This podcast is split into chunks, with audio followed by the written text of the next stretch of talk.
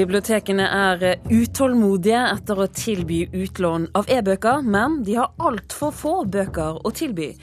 TV-serien 'Drømmehagen' kan bli nødt til å flagge ut fra Storbritannia. Og i dag får 1,8 millioner lyttere en ny radiohverdag. P1 legger om.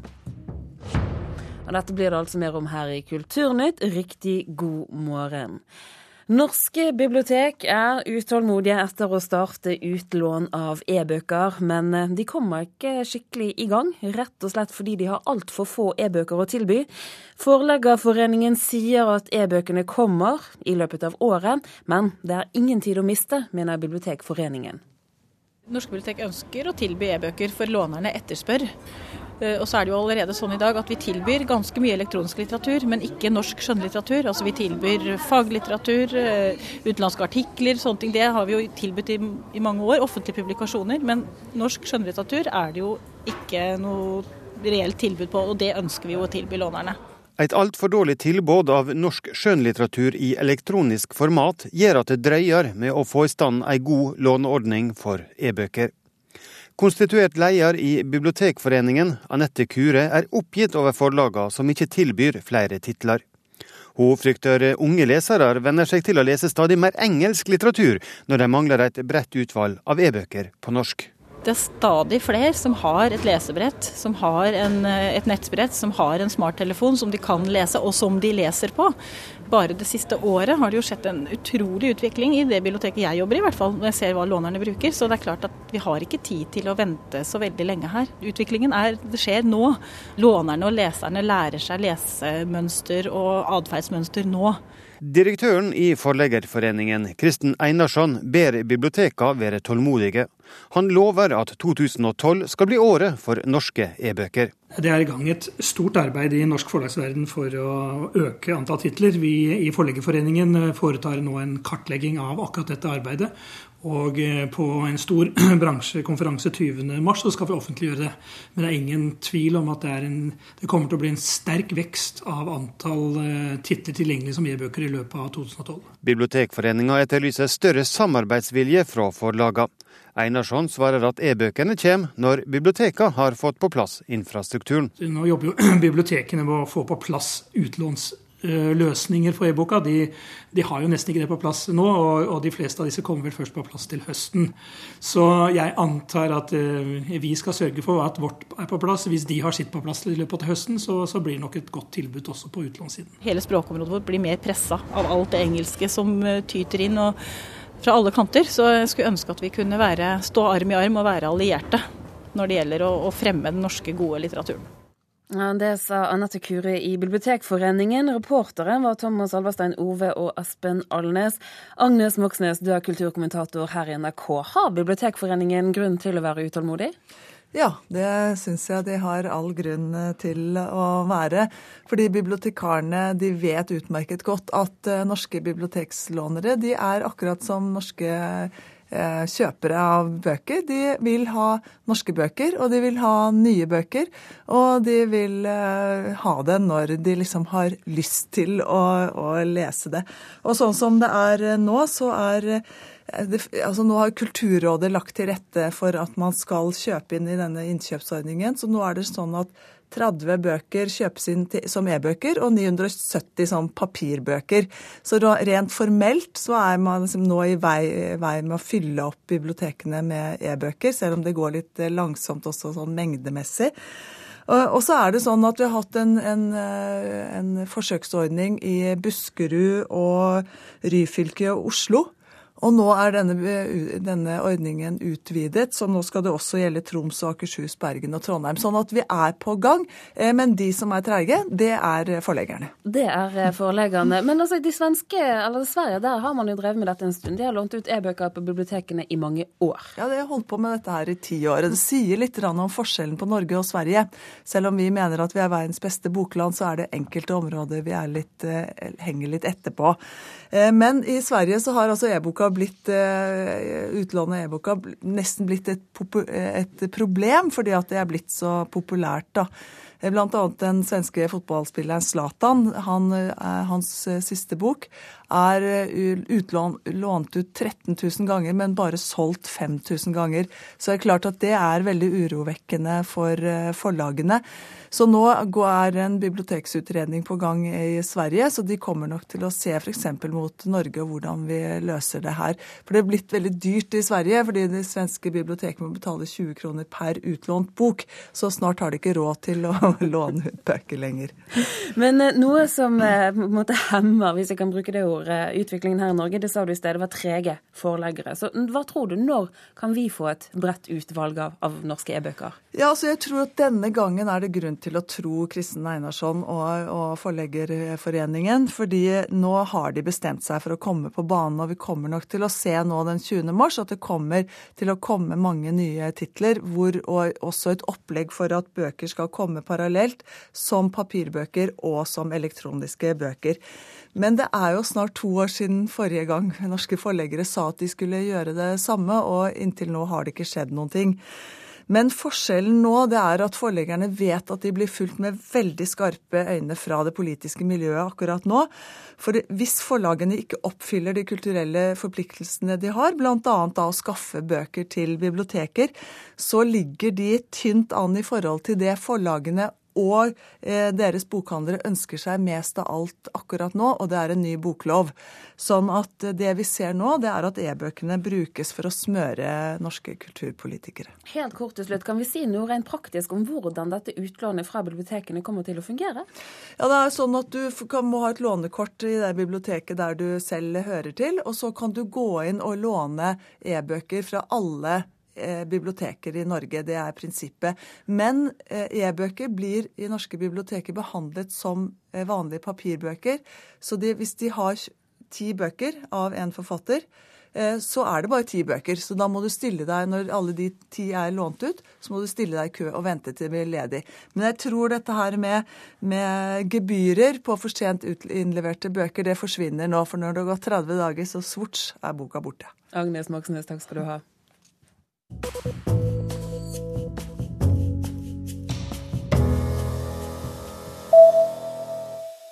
Animasjonsindustrien i Storbritannia truer med å flagge ut hvis de ikke får statsstøtte på linje med animatører i andre europeiske land. Store satsinger som Byggmester Bob og Lokomotivet Thomas er allerede under produksjon i Taiwan, Kina og USA. Snart så kan de få følge av suksesser som Sauen Shaun og Drømmehagen. Nå handler dette om å bevare en viktig kulturarv, sier animatørene i Storbritannia. Hinkel pinkel, hinkel honk. Nå skal vi fange Blunkiplunk. Om du har barn eller ikke, Drømmehagen er nesten ikke til å unngå. Barne-TV-serien er en av Storbritannias mest suksessfulle animasjonseksporter, og vises i land over hele verden. Men tross suksesshistorier som denne, er Storbritannias animasjonsindustri i krise. These are the, these are the Mr. and Mrs. Pontipine and their uh, children, their ten children, and next door their neighbours are called the Wattingers. Anne Hall fra Ragdoll Productions er hjernen bak både Drømmehagen og Teletubbyene. Hun er en av mange som nå varsler at animasjonstalenter flagger ut hvis de ikke snart får statsstøtte. Når til og med Drømmehagen bare så vidt gikk i overskudd, er det lite håp for mindre aktører, sier hun. In the Night Garden cost 15 million pounds to make. It's very great deal of money. We have got our money back just and made a tiny profit. That is the difference between when the Teletubbies were made and In the Night Garden was made. So the times have changed absolutely completely. La la la la. Da Ann Hall laget Teletubbyene i 1997, betalte TV-selskapene mye mer av produksjonsbudsjettet enn de 25% animatører får i dag. Det er tøft nok å få inn de resterende 75% på rettigheter og merkevarer, sier Ann Hall. Men når land som Frankrike og Irland gir minst 20% av produksjonskostnadene i statsstøtte, da blir det umulig å konkurrere med resten av verden. Sauen Shaun er en av de som snart kan komme til å flytte fra den engelske landsbygda til et billigere produksjonsland. Ardman Animations, som også står bak Wallace og Gromit, varsla i fjor at de snart ikke har råd til å produsere alt i hjemlandet. Ollie Hyatt er leder i Animation UK, en interesseorganisasjon som nå advarer regjeringa om en masseflukt av talent og tap av en kulturtradisjon. Tools uh, with the rest of the world. France, Neste uke legger regjeringa fram årets budsjett, og da håper Olli Hayet animasjonsindustrien får skattelette på linje med britisk filmindustri. Men det kan holde hardt i dagens økonomiske klima, når finansministeren prøver å spare 80 milliarder pund innen 2015. Rar, rar. Hovedargumentene for å beholde produksjon av animasjonsfilmer i Storbritannia er kvalitet og tradisjon. Men Teletubbienes mor Ann Hall mener også at regjeringa skyter seg selv i foten hvis den ikke gjør noe for å hindre at produksjon og talenter flykter utenlands. Source of export. Teletubbies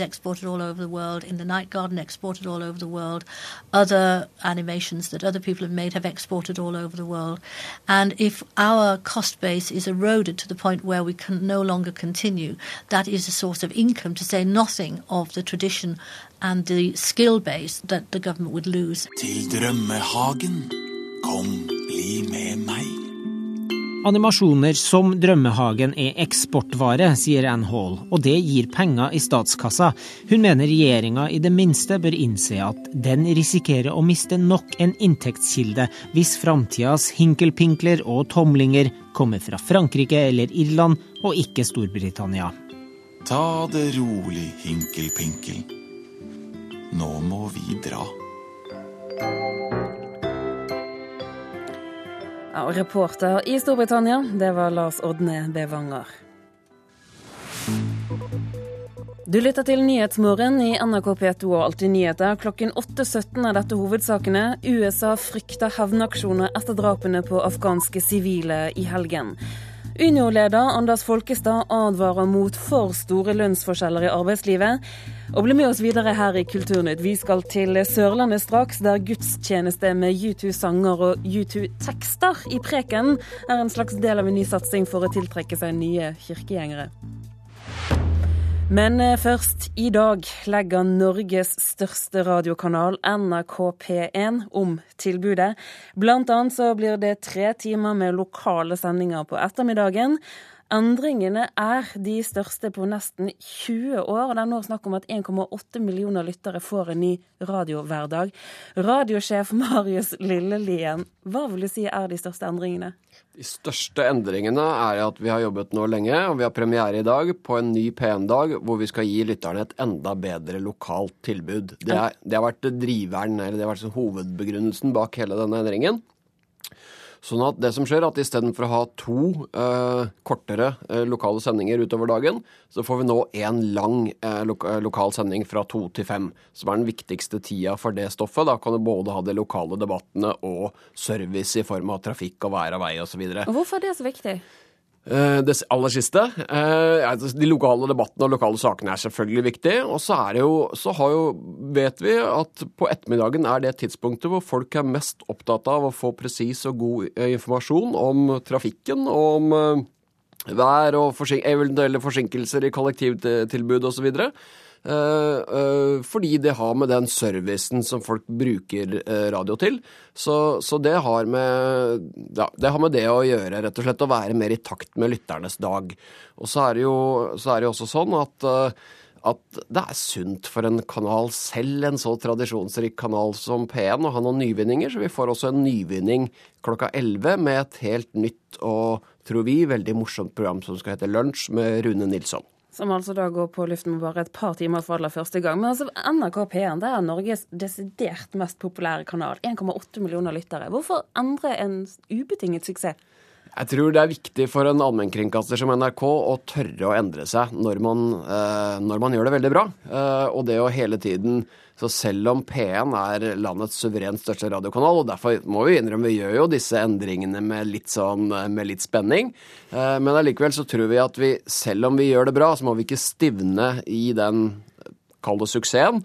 Eh, men eh, men hele tiden jobbe for å gi lytterne et best mulig tilbud, og forbedre det tilbudet gradvis. Og det er det vi, det er det vi gjør i dag. Kritikerne sier at eh, NRK P1 nå begynner å ligne mer på sine kommersielle konkurrenter, altså enn P4 og Radio Norge. Hva synes du om det? Nei, det, Denne endringen er helt umulig å, å, skrive inn i et sånt eh, bilde, i hvert fall. Dette handler først og fremst om å få et bedre lokalt tilbud, og det har jo verken Radio Norge eller P4. Så, så dette handler om å gi lytterne det, det beste lokale tilbudet på det tidspunktet hvor det er aller mest nyttig og viktig for dem. Mm. I Dagsavisen i dag så ser vi, vi en radioforsker gå ut og kalle omleggingen brutal. Hva syns du om det? Nei, eh, når jeg er sjelden Selv om jeg er veldig, veldig glad i radio, så bruker jeg sjelden ordet brutal om, om, radio. Nei, jeg mener at det ikke er det. Jeg mener at eh, det, Selvfølgelig er det mange Det er ganske mange endringer på en gang. Det har med at hvis vi skulle få til dette og lage den ene lokale lange sendingen, så må vi også flytte f.eks. her og nå til etter at den lokale sendingen var ferdig. Sånn at her og nå kommer fra i dag klokka 17. Så, så det har jo litt med at hvis du først uh, endrer noen ting, så, det, så, får det flere konsekvenser. Men uh, vi har selvfølgelig ikke noe ønske om å utøve noen brutalitet overfor lytterne, og jeg tror det vil bli et veldig gjenkjennelig P1, tross alt. Marius Lillelien, takk for at du var med oss uh, her i Kulturnytt.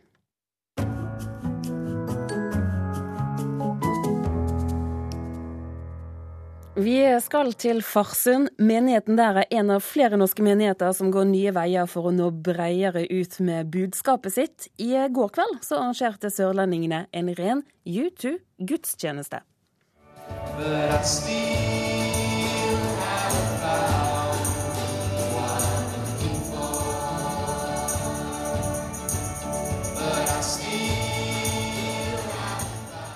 Ungdomskoret i Farsund i Vest-Agder setter standarden for gudstjenesten i Frelserens kirke i går kveld.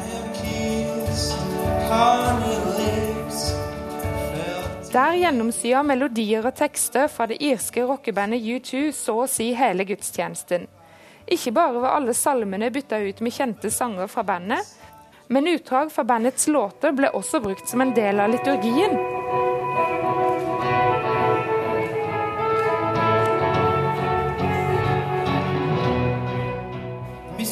Samla i Faderens, Sønnens og Den hellige ånds navn, da er vi samla in the name of love. Ungdomsprest Henning Huseby Jansen, som leder gudstjenesten, har vært U2-fan siden gymnastida på 80-tallet. U2-sangmaterialet, eller låtene, de har så mye bibelske både tekst og bilde i seg og så mye flott uh, stoff, sånn at vi har lyst til å få det inn i kirkerommet. Det er mange som kanskje ikke har et så sterkt forhold til kirka og kirkerommet, men som har et forhold til U2 som band, som det store bandet er. Og de ønsker jo også å si at uh, kirka ønsker å være relevant for moderne mennesker, og bruke et språk som kan forstås av moderne mennesker. Rundt 300 personer, gamle som unge, møtte opp for å få med seg gudstjenesten. Jeg syns det var kjempebra at uh, Farsund kirke tok uh, initiativ til dette òg, å ha en sånn gudstjeneste. Jeg syns det var en uh, fin gudstjeneste med mye bra musikk. Og U2 er jo veldig bra, så vi er fornøyde. Kunne du tenke deg en sånn type gudstjeneste oftere? Ja, det, nå er jo ikke jeg den som går mest på gudstjenester, så derfor er jo det flott.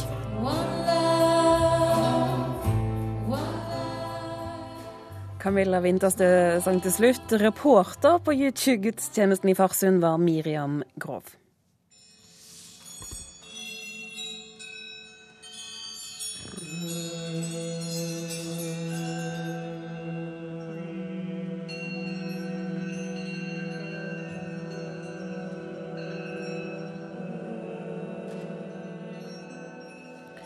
Dette er en urfremføring. Dødsmessen Rekviem underveis, fremført under Oslo kirkemusikkfestival. En av landets største innen mønstringer av sakralmusikk. Og dette rekviemet er en av festivalens store satsinger. Musikkanmelding her i NRK, Ragnhild Weire, du var til stede da dette ble spilt for første gang. Hvordan var det? Det var en fin eh, opplevelse i en fullsatt eh, Fagerborg eh, kirke. Altså Musikk har jo den egenskapen i seg sjøl at den kan åpne opp for følelser og fungere som en slags kontemplasjon. Og en sånn dødsmesse til minne om de døde skal jo gjøre nettopp det. Og det var flere lydlige elementer her, som denne her glassklirringen vi hører i bakgrunnen. Litt sånn som minner om noe skjørt og noe som er litt ru, som vi alle kanskje kan kjenne og føle på i forbindelse med død og sorg og savn som er litt vondt, som fungerte godt. Men det var også noe uforløst igjen der av disse store eksistensielle spørsmålene som dette tegner opp. Hva slags dødsmesse har komponist Ragnhild Berstad skrevet? Det var som å være med på én reise, ikke som å være med på en sånn dialog. Det er jo ikke en dialektisk musikk, opplever jeg det som. Det er klangflater som begynner skjørt, og så er det et stort og mektig midtpunkt, og så er det ut igjen på den andre siden. Skjørt det også, men kanskje med litt mer lys. Eh, hun hadde disse store glassbollene med seg, da, som var egentlig det nye elementet. Eh, og så er det elektronikk, og det var Det Norske Solistkoret som sang, og det var eh, instrumentalister.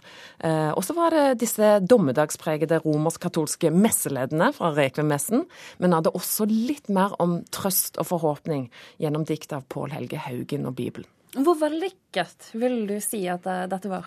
Jeg syns at dette glassmusikkelementet fungerte veldig bra. Og det ble også veldig melankolsk når vi også vet at opptakene her var for den glasskunstneren som opprinnelig skulle gjøre disse bollene, som døde underveis. Og det er klart det gir en ekstra tyngde og dimensjon.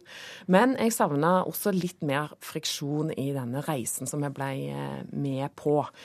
Mange anslag til mye vakkert og billedsterkt, men veldig mye inni den tjukke klangflaten. Og blant annet er det trukket inn her noe som jeg oppfatter som Østens gråtekoner midt oppi alt dette.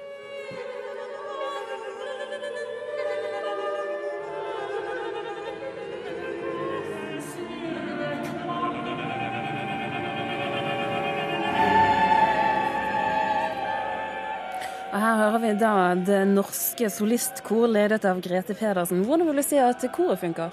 Dette er jo Norges eh, beste kor, og de levde opp til de forventningene. Eh, det er et veldig krevende konsertprogram de hadde satt eh, sammen her. Mye moderne musikk.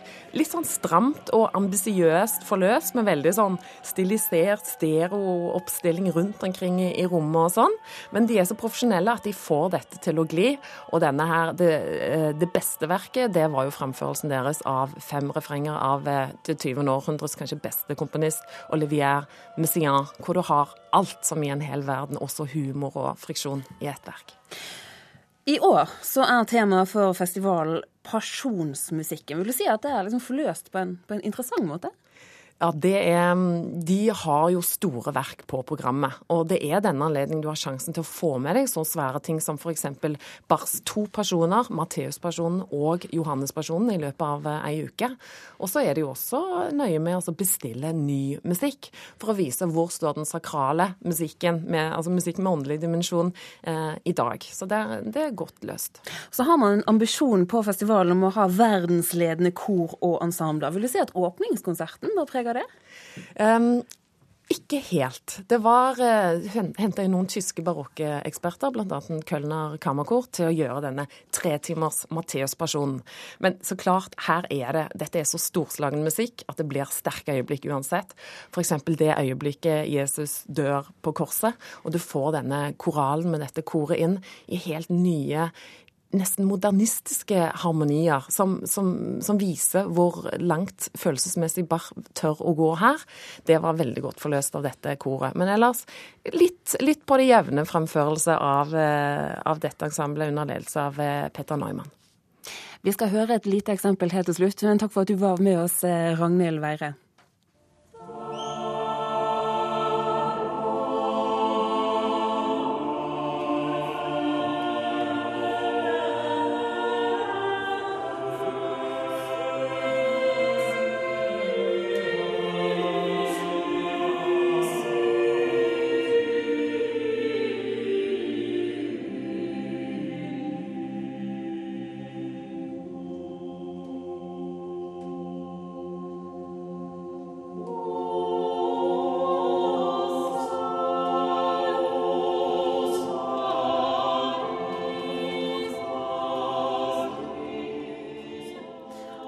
Fikk høre Det Norske Solistkor helt til slutt her i Kulturnytt fra Oslo kirkemusikkfestival.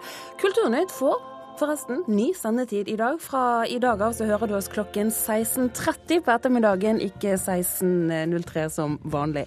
Denne sendingen er over. Eh, ansvarlig for sendingen i dag var Halvor Haugen. Hilde Tosterud har hatt ansvaret for teknikken. Her i studio, Turi Grønbekk.